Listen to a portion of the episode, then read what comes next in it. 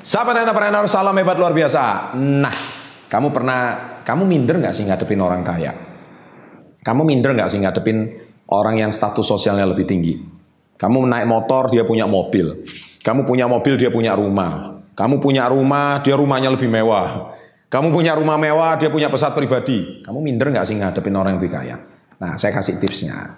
Ya, sebelum saya buka tipsnya, jangan lupa subscribe, jangan lupa Loncengnya diaktifkan, saya tunggu ya. 3, 2, 1. Dan di tips saya kali ini adalah cara menjual barang ke orang kaya tapi keras kepala.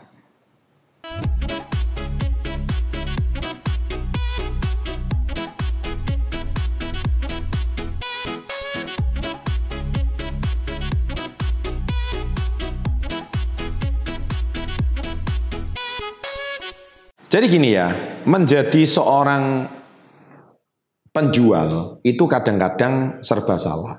Anda mau dapat duitnya orang kaya, contoh Anda jual rumah. Kalau Anda nggak jual ke orang kaya, gimana Anda hari ini dapat rumah, dapat komisi? Anda hari ini, karena kalau komisi Anda besar harus menjual ke orang berduit. Contohnya juga Anda mungkin kalau di, kerja di bank, Anda cari nasabah, orang yang punya duit ya, Anda harus tahu bagaimana cara mendekati uh, uh, duitnya orang kaya gitu. Kalau enggak Anda enggak dapat tabungan gitu loh. Anda menjual kredit contohnya. Ya, menjual kredit bank. Kalau enggak menarik ya gimana? Karena apa? Justru Anda mau nasabah orang kaya untuk memastikan orang kaya ini bisa membayar hutangan dari bank kan? Nah inilah yang saya mau kasih tipsnya ya. Jadi tips saya kali ini adalah nomor satu jangan minder. Nah ini yang pesan saya harus percaya diri. Terus kemudian setelah nggak minder, kedua itu pujilah prestasinya. Ya, jadi kalau orang kaya itu senang dipuji prestasinya. Karena dia bisa kaya itu kan karena memang dia bekerja keras. Memang dia luar biasa, puji prestasinya. Apa yang bisa dipuji, puji lagi. Keren ya, ini bangunannya, wah ini gini, wah ini prestasinya gini. Ini bisa mencapai prestasi itu, itu kan tidak mudah. Jadi harus dipuji prestasinya. Itu penting banget. Ya, tunjukkan kalau kamu menghargai pendapatnya. Karena apa? Menghargai pendapat seseorang itu, terutama orang kaya, dia senang didengar. Karena dia bisa meraih itu semua itu kan perlu perjuangan. Oke? Jadi jangan jadi orang yang juga pasif. Datang minder, ke orang diem, ke orang... Nah dia juga nggak suka. Kenapa? Orang kaya itu nggak suka orang yang pasif. Orang kaya itu suka orang yang mau berbicara dengan dia, uh, Anda mau mengapresiasi pekerjaannya dan dia berusaha untuk mendengarkan. Nah, tapi nggak semua orang kaya kayak gitu. Ada orang kaya yang tidak mau memamerkan kekayaannya juga ada. Ada orang kaya yang sangat humble juga ada. Saya punya beberapa jenis teman yang nyombong banget sampai humble banget juga ada. Semua pernah saya wawancara channel Success Before 30 silahkan ditonton sendiri.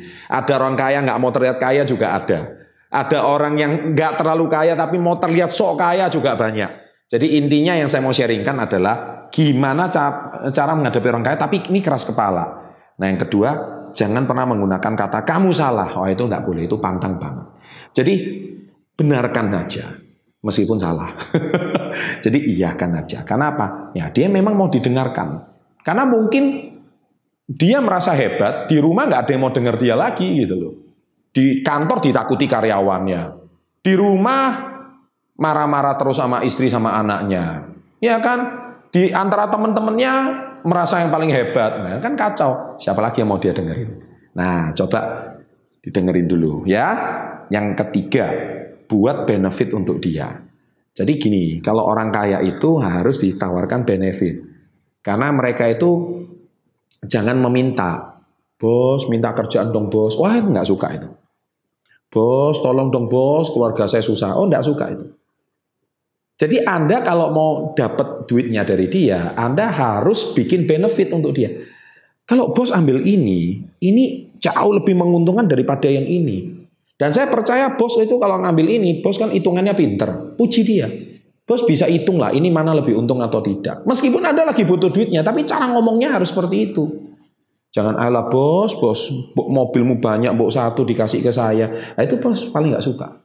Orang keras kepala nggak suka. Kelihatan banget kalau kamu mental pengemis banget gitu. Ya, nah itu yang benefitnya tolong berikan. Yang keempat, menyamakan persepsi. Menyamakan persepsi itu maksudnya apa? Jika dia suka jam, kamu akan menyamakan kesukaanmu dengan dia. Jika kamu tidak setuju, maka berikan dia alternatif. Contoh dia cerita ini jam mahal. Waduh.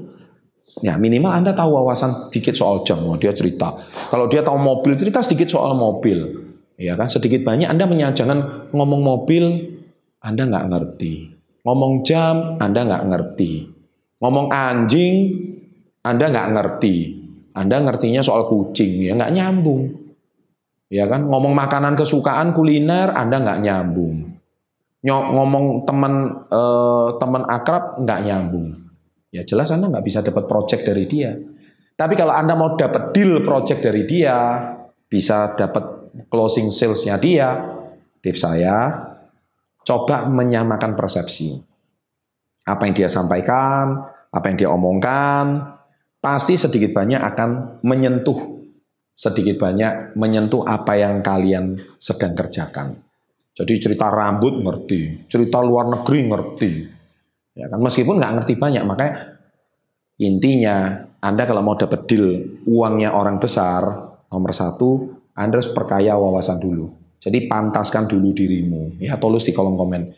Kalau Anda belum dapat rezekinya orang besar, berarti Anda memang belum pantas.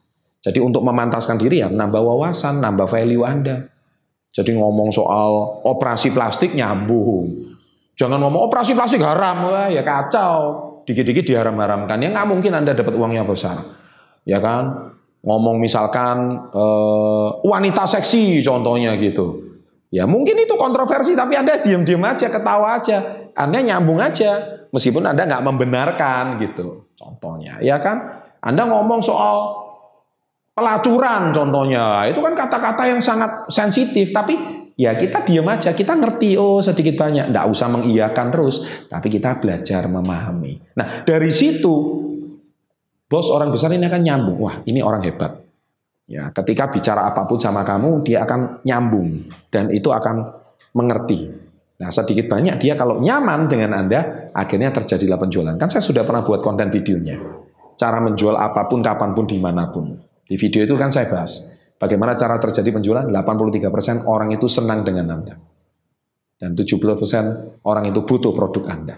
Jadi buat orang itu nyaman, senang dulu dengan Anda. Jadi orang kaya yang sombong ini sultan mah bebas itu katanya itu boleh apa pun yang terpenting nyambung.